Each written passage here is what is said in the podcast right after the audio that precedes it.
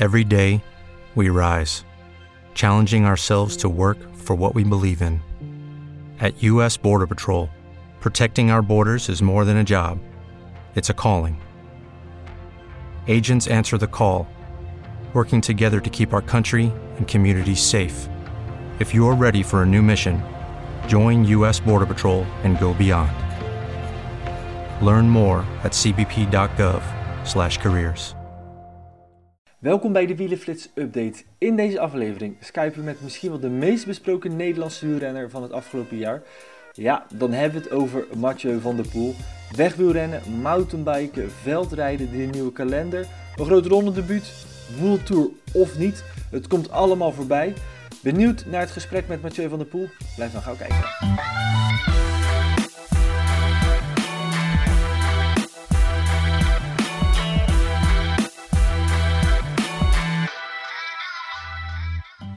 Zo, Juri, jij was een van de eerste die uh, midden in de nacht al bij de kapper stond, zo te zien? nee, nee, dat was uh, helaas niet het geval. Ik had uh, één afspraak deze week. maar helaas viel die toevallig samen met dit, dit interview wat, wat, wat we zo meteen gaan doen. En nou ja, goed die had ik maar gecanceld, want nou ja, goed, dat interview ging voor. Uh, maar uiteindelijk uh, liep dat eventjes anders en kon ik alsnog naar de kapper. Dus dat was een voordeel, want anders had ik pas uh, volgende week gekund. De laatste keer dat ik naar de kapper was geweest was voor het trainingskamp van Cometa Extra. Nou, dat was eind januari. Dus dat, was echt zo'n bos. hey, deze week, wat me opviel, eindelijk weer een keertje voor het eerst sinds weken, nou, beetje echt wielennieuws. Uh, ja, uh, eigenlijk best wel veel, vond ik. Precies. Was uh, ja, net dat het allemaal weer een beetje op gang komt. Alsof het de eerste week januari is of zo. Ja, het was, nou ja, zo werd er ook een beetje op gereageerd, vond ik. Natuurlijk vorige week al een beetje die nieuwe kalender, dat heeft een hele hoop gedaan. Deze week dan Van de Breggen en Blaak, die hebben aangegeven om, dat ze gaan stoppen en ook ploegleider worden. Dat vind ik wel een onderwerp waar we later een keertje even dieper op in moeten gaan. En nieuws, ik vind uh, successen, die mag je best vieren. En dit was een nieuwtje wat jij uh, gebracht hebt van Pieter Wening. Uh, ja. We hebben even verzameld waar het allemaal naartoe is gegaan. Het is echt de hele wereld over gegaan. Waar we het nieuws terugkomen. In, in Spaanse, Italiaanse kranten over de zee in, in Zuid-Amerika. Ik ben benieuwd hoe ze daar wielenflits uitspreken. Maar het werd wel allemaal netjes gequote. Ja, ik heb ook geen idee hoe ze het daar doen. Volgens mij gaat de W sowieso altijd lastig daar. Maar goed, dat maakt het niet uit. Maar ja, inderdaad, het is uh, misschien toch omdat er echt wel uh, weinig nieuws te melden is. Dat ja, ieder, uh, ieder nieuwtje wat er nu is, dat het misschien ook overal breed uitgesmeerd wordt. Ik weet niet, ik hou er ook niets van om, ja, om mezelf een beetje op de borst te slaan. Maar het deed het goed. Ja, nou goed, het is een... We hebben eigenlijk nog niet eens gezegd welk nieuwtje het is, voor wie het nog niet weet, zeg maar. Uh, Pieter Wening die gaat uh, binnenkort uh, een contract ondertekenen bij Trek Segafredo. Dus die ja, zat een beetje tussen wal en schip na het einde van Roompot. wilde niet stoppen nog. Maar goed, had nog geen team gevonden voor 2020. En ehm, ja, eigenlijk aan het begin van het jaar kwam er toch wat, wat los bij Trek Segafredo. Maar ehm, door de hele coronacrisis is, uh, zijn de formaliteiten nu bij de UCI wat vertraagd. Uh, maar uh, desalniettemin gaat dat wel gebeuren. En ja, zal de Amerikaanse ploeg op korte termijn ook daadwerkelijk zelf bekendmaken dat Wening naar Trek Segafredo gaat. Ik had vandaag nog wat mensen aan de lijn uit de wielenwereld. En die zeiden, alle drie waren het er, opvallend dat ze een 39-jarige renner nog zo'n contract geven. Dat ook gezegd, ja, er zijn genoeg renners van 32, 33 die ook ervaren zijn maar die nog wat jaren te gaan hebben. Uh, ja. Ja, uh, het, is natuurlijk in die zin uh, wel zo dat Wening de laatste jaren zijn strepen verdiend heeft. Uh, Trek Segafredo heeft een hele jonge ploeg. Eigenlijk is die transitie afgelopen winter een beetje begonnen. Dat er eigenlijk uh, ja, heel veel jonge renners aangetrokken zijn. Nou, Quinn Simmons is daar natuurlijk een, uh, een mooi voorbeeld van. De, vorig jaar nog wereldkampioen bij de junioren. Um, maar als je ziet naar de renners die uh, in hun ploeg rijden, die boven de 30 zijn, dat zijn er maar zeven, waarvan de meeste ook kopman zijn. Denk aan Bauke Mollema, Vincenzo Nibali, Richie Poort. Het zijn allemaal renners eigenlijk die nou ja, goed, dit zijn al drie van de zeven die daadwerkelijk zelf de kopman zijn. Maar echt die ervaren jongens die je nodig hebt om die jonge jongens de, de fijne kneepjes van het vak te leren. Ja, daar ontbrak het een beetje bij bij die ploeg. dus wat dat betreft kijk ik er niet heel erg van op dat ze juist iemand als Wening nemen. Die natuurlijk, wat ik net ook al zei, zijn strepen meer dan verdiend heeft. Ja, laten we deze vraag ook eens even stellen aan onze Skype-gast. Laten we hem even erbij halen. Wat die ervan vindt. Om te beginnen, Juri en ik hadden het net over nieuws van de week van Wening die naar Trek Segafredo gaan. Hoe, mm Jij hebt natuurlijk met hem ook gereden op het WK. Wat vond jij, wat, wat was jouw eerste reactie toen je dat nieuws hoorde? Ik vond het vrij bizar. Om uh, zeker een transfer in deze periode en dan nog uh, ja, die, die transfer, zeg maar. Uh, is wel raar om te horen, maar ik vind het wel leuk voor hem. Want ik, ik moet zeggen dat, dat ik het wel naar mijn zin had met hem op de WK ook. het is zeker wel een aangename, aangename gast om erbij te hebben. We hebben een uh, drietal thema's waar we graag met jou uh, over willen spreken. Um, ik ga ze even erbij pakken. Dat is Alps in Phoenix naar de World Tour met een vraagteken, veldrijden en het wegprogramma 2020. Uh, ja. Aan jou de keus met welke we beginnen. ja, het wegprogramma van 2020, hè, dat is het meest actuele. Dus. Want goed, we hebben ons laten vertellen dat jij heel recent al met je ploeg hebt gezeten over hoe het programma eruit gaat zien. Uh, Heb je het al helemaal voor jezelf compleet op een rijtje staan wat het gaat worden? Want dan mag je natuurlijk meteen gelijk e- eventjes vertellen. Uh, in grote lijnen wel, maar het blijft nog een vraagteken. Ik denk voor iedereen. Hè? Dus wij hebben ongeveer wel een planning gemaakt. Maar ik, uh, ik hoop het uh, van harte. Ik hoop het echt. Maar ik durf het niet met zekerheid te zeggen. Wat zijn voor jou de grote knelpunten geweest in dat samenstellen van het programma? Waar heb je echt harde keuzes moeten maken? Nergens eigenlijk. Nee, ik, was heel snel, ik heb heel snel beslist wat ik wel wou en wat ik niet wou. Um, ik heb ook gezegd dat ik, um, dat ik opensta voor alles. Ik denk dat het redelijk bizarre tijden zijn. En denk, ik wil ja, vooral uh, de Tour ook, die had ik heel graag gereden. Uh, voor mezelf ook, maar ik denk nog liever voor mijn sponsors. En um, daar heb ik ook duidelijk gemaakt dat, dat ik overal inzetbaar ben en dat ik mij zoveel mogelijk wil en kan tonen. En wat weet jij op dit moment wel van je programma? Je zegt ja, het is allemaal heel onduidelijk, maar als je dan toch een beeld moet schetsen, welke koersen weet jij van jezelf, oké, die ga ik, als alles doorgaat en als alles normaal blijft, sowieso rijden? Ja, de zekerheden zijn uh, Strade en Sanremo natuurlijk de eerste. En dan daarna zullen het gewoon de grote klassiekers zijn, waaronder zeker in normaal de Ronde en Roubaix. Um, de Waalse klassiekers uh, is nog een klein vraagteken, maar sta ik ook voor open. Ja, en, dat zijn allemaal wedstrijden in um, augustus en daarna pas weer oktober. Wat ga je mhm. doen in september? Ja, dat is een beetje kijken wat dat er dan is. Hè. Um, maar zoals ik zeg, ik, uh, ik, sta open voor alles. En ik denk dat we dat ook, ook, moeten doen. En ik denk dat iedereen wel gretig zal zijn om, uh, om koersen te rijden. Ja, en, en, wat voor zaken denk je dan? Hè? Je zegt dat van, goed, ik sta open voor alles, maar uh, ja, dit hele gekke seizoen geeft je natuurlijk de kans om misschien dingen te proberen die anders niet konden. Waar denk je dan mhm. bijvoorbeeld aan? Ja, een Luik Bastenaken Luik bijvoorbeeld. Dat is uh, een klassieker die, uh, die nog niet echt in mijn hoofd speelde eigenlijk voor het seizoen, maar die nou toch wel, wel in het zicht komt. En Lombardije bijvoorbeeld, een week naar Roubaix?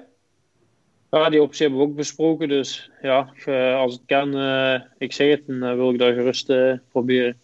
Ja. Als ik zo even zit te kijken naar de kalender, dan lijkt mij uh, Tirreno Adriatico, die valt midden in de Tour. Mm -hmm. er wordt al heel vaak gezegd, Mathieu die moet eens voor een klassement gaan. Nou, dit is op een presenteerblaadje bijna neergelegd van Mathieu kan voor Tirreno Adriatico gaan. Ja, die optie is ook voorbij gekomen gisteren, maar um, ja, we spelen ook nog wel ja, met gedachte, als je in die zit en er gebeurt iets, zit je daar wel vast natuurlijk. En dan kan je geen enkel klassieker rijden. Dus dat zijn allemaal heel moeilijke afwegingen die je moet gaan maken. En ik denk dat het in dat opzicht wel uh, best een bijzonder jaar wordt uh, met keuzes die bepaalde renners gaan maken.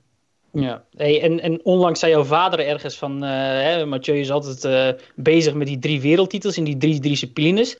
Daar kan hij misschien wel een vierde bij doen, het WK tijdrijden. Um, nu je nog zo'n lange aanloop hebt, ja, ik noem maar wat hoor, maar je kunt natuurlijk een windtunnel in. Je kunt aan die aerodynamische positie werken. Past zo'n uitdaging ook in dit seizoen? Ja, daar eh, heb ik nog niet aan gedacht, om heel eerlijk te zijn. Maar um, wat ik hoor, uh, zal het heel moeilijk zijn om dit jaar het WK mountainbike te rijden, natuurlijk. Maar uh, hoe dat er nou naar uitziet, ehm, denk ik wel dat ik tot Parijs op de mountainbike zal blijven. Ehm, en dat geeft me ook drie jaar de extra de tijd om proberen wereldkampioen te worden in die discipline. Dus daarmee zeg je, ik blijf tot de Olympische Spelen 2024 in ieder geval mountainbiken. Daar hebben we nou besproken. En ja, ik zie dat van mijn kant zeker zitten natuurlijk, omdat ik enorm van die sport hou.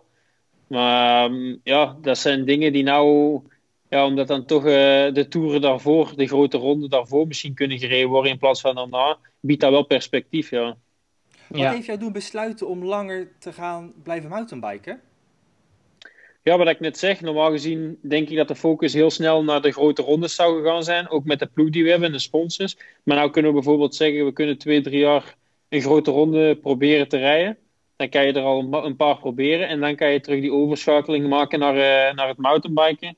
En je blijft daartussen gewoon uh, een paar wereldbekers rijden. Die te combineren vallen met een grote ronde. Dus uh, dan blijf je een beetje vooraan in die ranking staan. En dan kan je het unieke wat ik toch wel doe en wat ik eigenlijk niet zo snel uit handen wil geven, de drie disciplines combineren, wil ik wel, uh, wel zo lang mogelijk proberen volhouden. Ja. Dus die vierde wereldtitel is pas voor daarna? Als hij er ooit komt, hè. Dus uh, die drie die zullen wel uh, moeilijk genoeg zijn, denk ik. Ja. Maar is, is, is het iets waarvan je zegt van, oké, okay, pa, wat lul je nou? Of, of dat, dat je het hier wel aan het denken zet, zeg maar?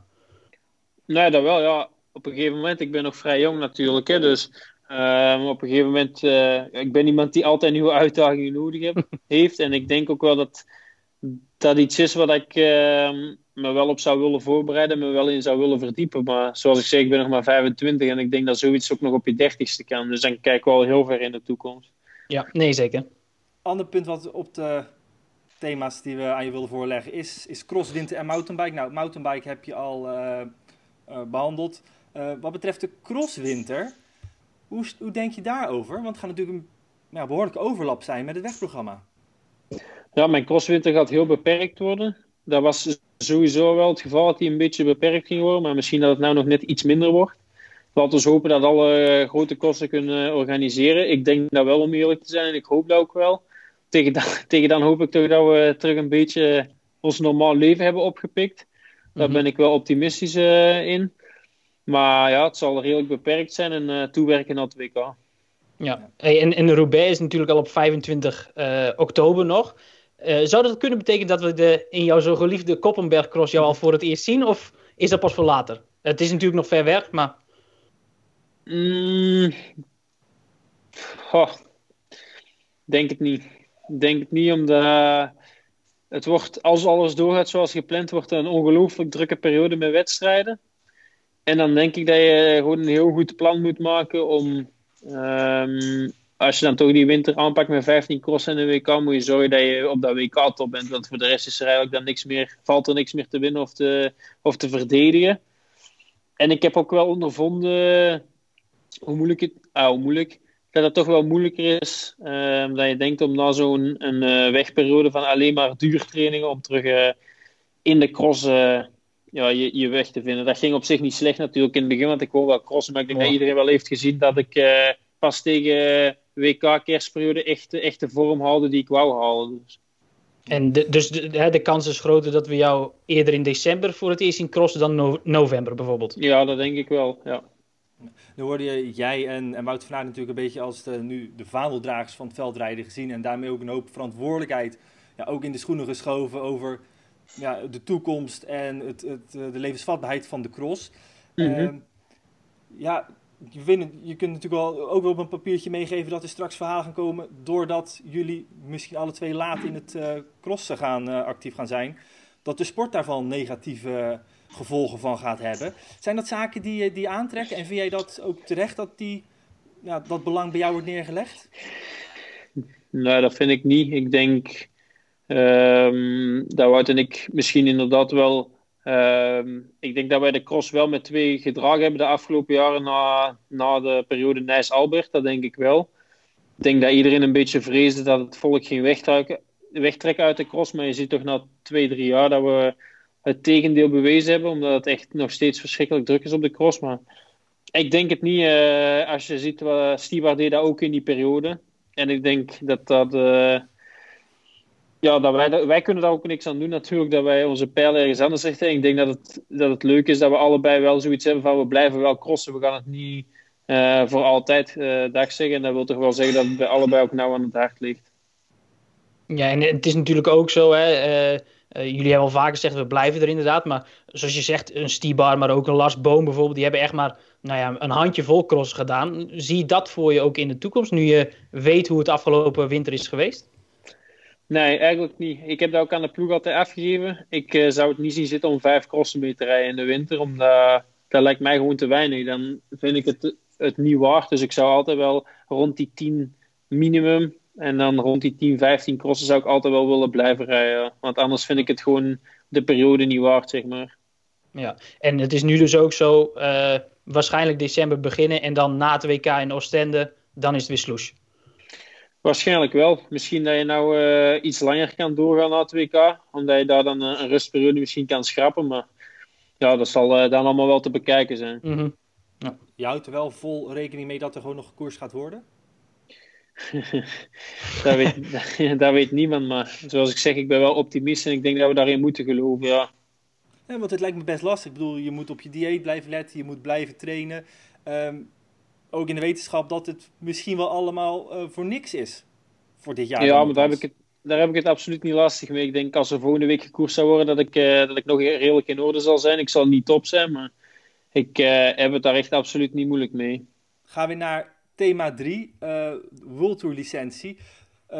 Jullie hebben natuurlijk als ploeg nu geen uitnodiging gekregen voor de Tour. Dan wordt gezegd, ja, dan is een World Tour licentie eigenlijk de makkelijkste weg, want dan heb je startgarantie.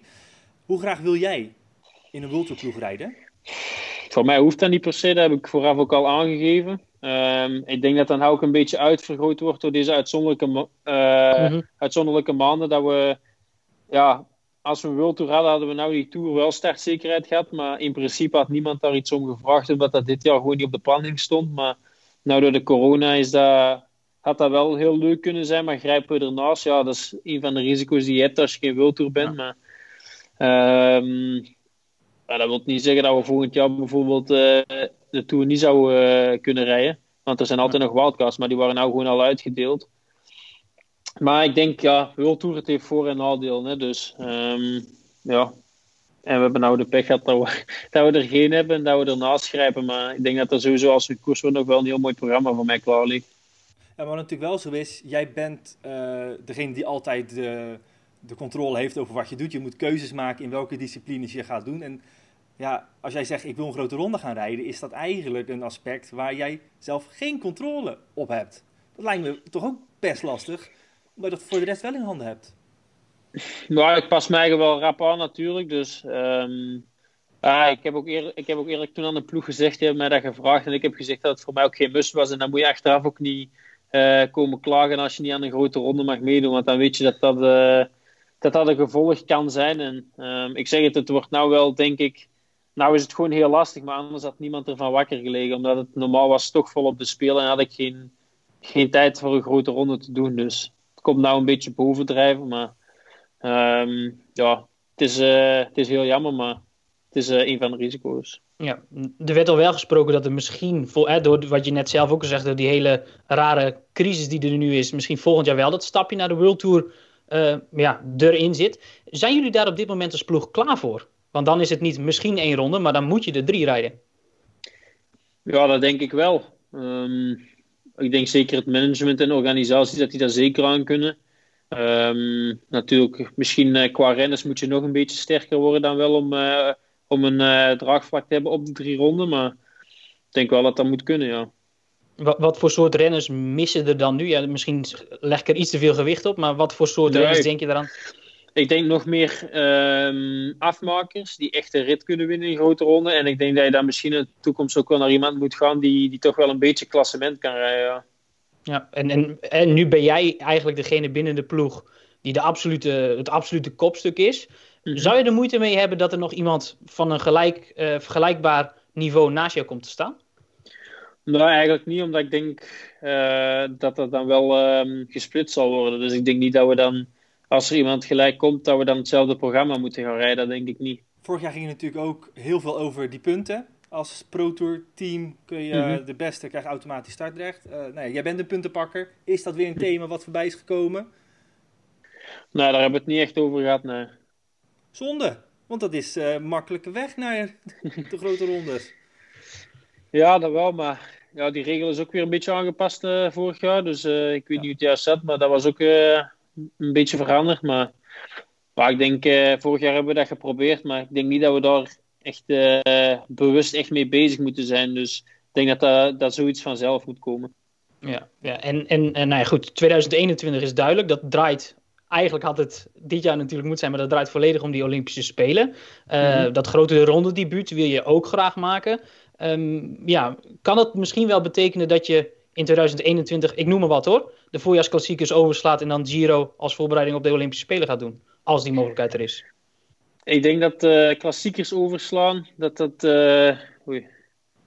Ik denk dat de klassiekers overslaan, dat dat niet echt een optie is voor mij. Ehm, maar ik denk wel. ehm, ik denk wel eh, dat, eh, dat er wel een puzzel mogelijk is om bijvoorbeeld de spelen met een ronde te combineren. Maar dan denk ik dat de ronde na de spelen moet komen. Omdat ik weet niet hoe ik op een grote ronde reageer. En ik denk dat dat wel een risico kan zijn om dat eh, voor de speel te gaan testen. Maar goed, dan kun je altijd nog in 2024 op herkansing. Want dat, dat is nu een beetje. Ja, dat kan, dat kan, dat kan, dat kan. Maar het is allemaal redelijk onzeker. Hè? Maar Ja. nee, ik denk, eh, ik denk wel dat het eh, wel leuk is voor mij om, eh, om zo lang mogelijk dat eh, unieke te blijven doen. Tot slot, ehm, nou, de coronacrisis zorgde ervoor dat je eh, voorlopig helemaal geen wedstrijden kunt rijden. Zijn er nog andere aspecten die nu helemaal zijn veranderd voor jou door die coronacrisis? Ehm, op welk vlak? Nou ja, goed, op ieder vlak. Dat is de vraag eigenlijk. ik, ik ben heel veel thuis, waar ik niet echt gewoon ben natuurlijk. Ehm, ik heb eh, veel Zwift-koersen meegedaan, wat ik normaal ook niet zou doen. Maar voor de rest, ja, het is, het is vooral dat, het, het leven als wielrenner. Zeker de afgelopen jaar ben ik heel veel van huis geweest, omdat ik ook met die drie disciplines heel veel moest rijden. Zeker met mountainbike in de zomer en met de wegkoersen was ik heel veel van huis. Ehm, dus op dat vlak was de cross altijd wel een beetje een luxe, omdat je dan toch vaak thuis bent. Maar ik denk dat dat wel het grootste verschil is. Dat ik nog nooit zo lang thuis ben geweest. Maar het is ook niet dat ik de dingen die ik zou willen doen, dus met vrienden, hetgeen wat je nou zou kunnen doen met vrienden, is, eh, is weggaan of iets leuk gaan doen of zo. Dat is ook allemaal weggevallen. Dus het is niet dat dat eh, ineens eh, een feestperiode was of zo voor mij. Mis je dan in die zin buiten het koersen zelf, de koers aan zich ook, de, alles wat er omheen hangt? Ja, tuurlijk. Zeker de competitie mis ik ook, omdat ik ben toch wel competitief ingesteld. En ik denk, zoals je zegt, meestal train je toch wel om, eh, om een bepaald- doel te bereiken. Maar ik heb nou ook wel beseft, al dat wist ik nog wel, maar ik heb wel beseft dat ik gewoon nog extreem graag met de fiets rijd. Want ehm, ja, het, er moet niks eigenlijk momenteel. Hè. Er is, het is nog heel lang, zeker een paar weken terug nog. Maar ik heb eigenlijk bijna meer uren op de fiets gezeten dan ik normaal zit, omdat ik nou niet hersteld moest zijn voor het weekend. En dan... eh, dan besef ik toch wel dat ik eh, ja, heel graag met de fiets rijd. Het wordt ook weer tijd dat je in actie komt, want wij moeten nu steeds diezelfde foto's van jou eh, gaan gebruiken, want er is niet zoveel beschikbaar. Nee, daarom dus. En eh, een nieuwe foto met de nieuwe sponsors op de weg zou ook wel, eh, wel welkom zijn. Dus hopelijk zijn we snel terug in actie met z'n allen. Yes. Goed, dankjewel. Van der Poel blijft dus langer mountainbiken. Dat is wel het grote nieuws uit dit gesprek. Vind ik het toch eigenlijk wel verrassend, want ik heb altijd gezegd Tokio en daarna meer op de weg. Ja, eigenlijk was dat ook de planning die die, die, die eigenlijk altijd zelf ook eh, naar voren gebracht heeft. Eh, maar goed, aan de andere kant vind ik het eigenlijk wel heel vet dat eh, hij doet iets unieks. Ja. Dat hij dat gewoon eigenlijk stug blijft volhouden. Ik vind, ik vind het wel wat hebben eigenlijk. Want Nou, je Iedereen- blijft doen wat hij graag wil. Ja, want iedereen roept altijd maar al, al jaren van nee, je moet Ja. grote rondes rijden, je moet naar de weg. Nou ja, goed, hij rijdt inmiddels op de weg. Eh, maar ja, ik vind het gewoon extreem grappig dat hij gewoon zegt, jongens, alles prima, maar ik vind dit gewoon veel leuker en jullie kunnen me allemaal de pot op, want ik blijf gewoon doen wat ik doe. En dat vind Ja. ik eigenlijk gewoon wel heel vet. Ja, dat hem, heeft natuurlijk ook- zeker. ja, en hij heeft natuurlijk ook een punt. Hij is nog altijd, we vergeten, eh, we vergeten het wel eens, maar hij is nog altijd maar 25. Hè, in, in, in, eh, als ik niet mis ben, hij is van 95, dus hij is in Parijs Olympische Spelen, als hij dat haalt, is hij pas 29. Dus ja, dan heeft hij nog steeds alle tijd om maar te doen wat hij wil. ja, al zou hij natuurlijk wel op een gegeven moment keuzes moeten maken of hij ooit nog wel een grote ronde zou ambiëren of mee zou kunnen doen in het hoge bergte. Ehm, maar ja, weet je, dat hij misschien ook niet alles kan, heeft hij wellicht ook wel uh, vrede mee. Nou ja, goed. Zie jij, dat, jij dat wel nog gebeuren? Om toveren tot grote ronde renner? Nou, ik denk wel dat dat kan. Kijk, als, ik noem maar wat. Stel, hij wint een keer Vlaanderen de komende jaren. Hij wint een keer Roubaix. Hij wint misschien eens een keer Luik. Eh, eh of Sanremo, of weet ik veel hoeveel grote koersen die wint. En uh, hij wordt volgend jaar of in 2024 Olympisch kampioen op de mountainbike. Hij zegt net zelf, ja, ik heb altijd uitdagingen nodig. Stel, hij wordt ook nog per ongeluk heel vlot een keer wereldkampioen tijdrijden. Ja, ik, ik sluit bij hem nooit wat uit. Nee, dat is allemaal mogelijk. Maar dan is, de, dan is de uitdaging wel overal op. Ja, waarom dat hij dan niet eens op zijn 32 zegt, weet je wat, laat ik het gewoon ja proberen. Ja, goed, en het is Thomas natuurlijk ook gelukt om zich uh, als uh, man van de baan, hij dan weliswaar, uh, trouwens dat heeft Bradley, niet. Bradley Wiggins. Bradley Wiggins, precies. Dus ja. Evans en Michael Rasmussen, dus die laatste niet een goed voorbeeld, komen al bij uit het mountainbiken. Uh, hij zou de eerste crosser kunnen zijn, denk ik. Nou, dan ga ik misschien dingen van een heel ver verleden vergeten. Maar de eerste crosser die, die een grote ronde zou kunnen winnen. Maar goed, daar zijn we al zoveel aan het speculeren ja, ja, over. Verder. Uh, dat moeten we misschien niet doen. Uh, iets anders wat me opviel. Jij zei van misschien wel in aanloop naar mountainbike wel eens durven gokken. geen klassiekers en gaan voor een grote ronde. Nou, daar was hij ook helder in. Dat gaat niet gebeuren. Het zal altijd klassieke voorjaar blijven rijden. Ja, nou, en, dat begrijp ik ook wel. Ja, goed, weet je, je, je gaat toch uh, proberen te zoeken uh, van wat wil je doen. De Tour zit gewoon te dicht op die Olympische Spelen. Ja. Uh, dan zou je zeggen logischerwijs Vuelta. Maar aan de andere kant, wie weet denkt hij wel over de Giro. En als je dat niet vraagt, ja, dan weet je het ook niet. Dat is ja. een beetje ja. de mindset die ik altijd heb. En wat hier belangrijk, wat hij ook wel zal meespelen, is dat hij natuurlijk wel een enorme marktwaarde heeft, ook voor die sponsoren, qua zichtbaarheid in die grote rondes. Ja ja, als hij op deze manier misschien wel uh, kan zeggen van ik blijf wel mountainbiken, maar ik zorg wel dat ik altijd ook die klassieke strijd waar ik uh, mijn zichtbaarheid sowieso in terugbetaal, ja, dan kom je natuurlijk op een mooi compromis uit. Ja, en, en natuurlijk... Buiten het feit dat hij die wedstrijd ook heel graag zal, zal, zal willen zeker, rijden. Zeker, zeker. En mijn vraag kwam in die zin ook niet uit het niets vallen, want de, ja, ik vroeg het niet voor niks. Fenix is, uh, is een Italiaans bedrijf, een Italiaanse sponsor, dus hè, in die zin was ik benieuwd, ja, misschien dat hij daarom voor de Giro ja. zou opteren. Alleen, uh, ja, goed, hij heeft Karakhelder uitgelegd uh, waarom hij zijn eerste grote ronde niet voor de Olympische Spelen wil doen. Nou, in ieder geval genoeg gesprekstof over uh, Mathieu van der Poel. Daar gaan we het ook in komende uitzendingen nog wel over hebben. Dank voor het kijken en tot de volgende Wielenflits update.